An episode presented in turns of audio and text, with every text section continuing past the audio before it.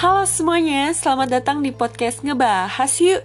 Perkenalkan, nama aku Karlin dan di sini aku mau sharing-sharing sedikit nih mengenai bagaimana sih kondisi urban tourism di masa pandemi COVID-19 ini. Jadi, buat kalian yang penasaran, stay tune terus ya. Oke teman-teman, sebelum masuk ke topik kita hari ini yaitu urban tourism atau wisata kota di masa pandemi COVID-19, mungkin sebelumnya aku jelasin sedikit ya mengenai apa sih urban tourism. Jadi urban tourism atau wisata kota adalah suatu kegiatan untuk menarik wisatawan domestik dan mancanegara dengan menyediakan akomodasi dan program kunjungan ke tempat yang menjadi daya tarik kota tersebut.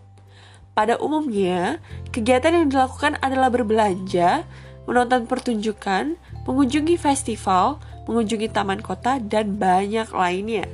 Dan urban tourism ini sangat amat digemari loh oleh generasi milenial.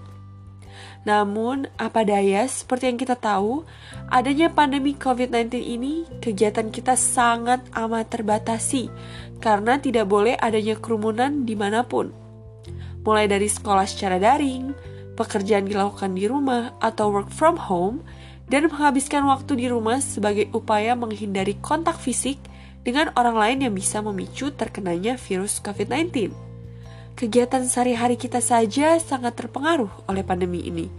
Maka bisa terbayangkan betapa besarnya pengaruh pandemi ini bagi urban tourism Selama satu tahun pertama, sejak COVID-19 muncul di dunia, pengaruhnya sangat amat drastis. Setiap orang membatasi diri mereka untuk keluar rumah karena sangat takut dan was-was akan virus ini.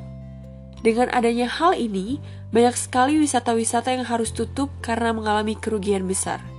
Mungkin beberapa dari kita sering melihat kejadian ini, seperti restoran yang dulu sering dikunjungi, sekarang sudah gurung tikar. Setiap minggu pergi ke festival makanan atau pameran-pameran, sekarang hanya bisa memesan makanan dan dikirim ke rumah. Pameran-pameran pun sudah banyak yang dialihkan ke arah online dan webinar. Tentunya, banyak sekali pihak yang terdampak.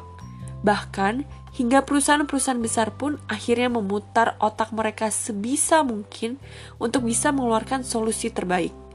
Beberapa di antaranya memang masih bisa bertahan, namun ada pula yang akhirnya menutup perjalanan mereka.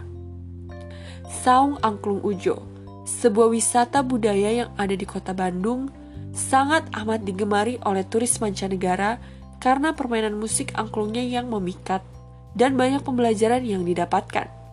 Namun, karena pandemi ini, tidak banyak wisatawan yang datang sehingga akhirnya mengurangi penghasilan pekerja di sana. Hingga akhirnya, ada pihak yang meminta bantuan masyarakat luas melalui Kita Bisa untuk menggalang dana demi menyelamatkan nasib para pemusik yang menaruh hidup mereka dalam pekerjaan di saung angklung ujo.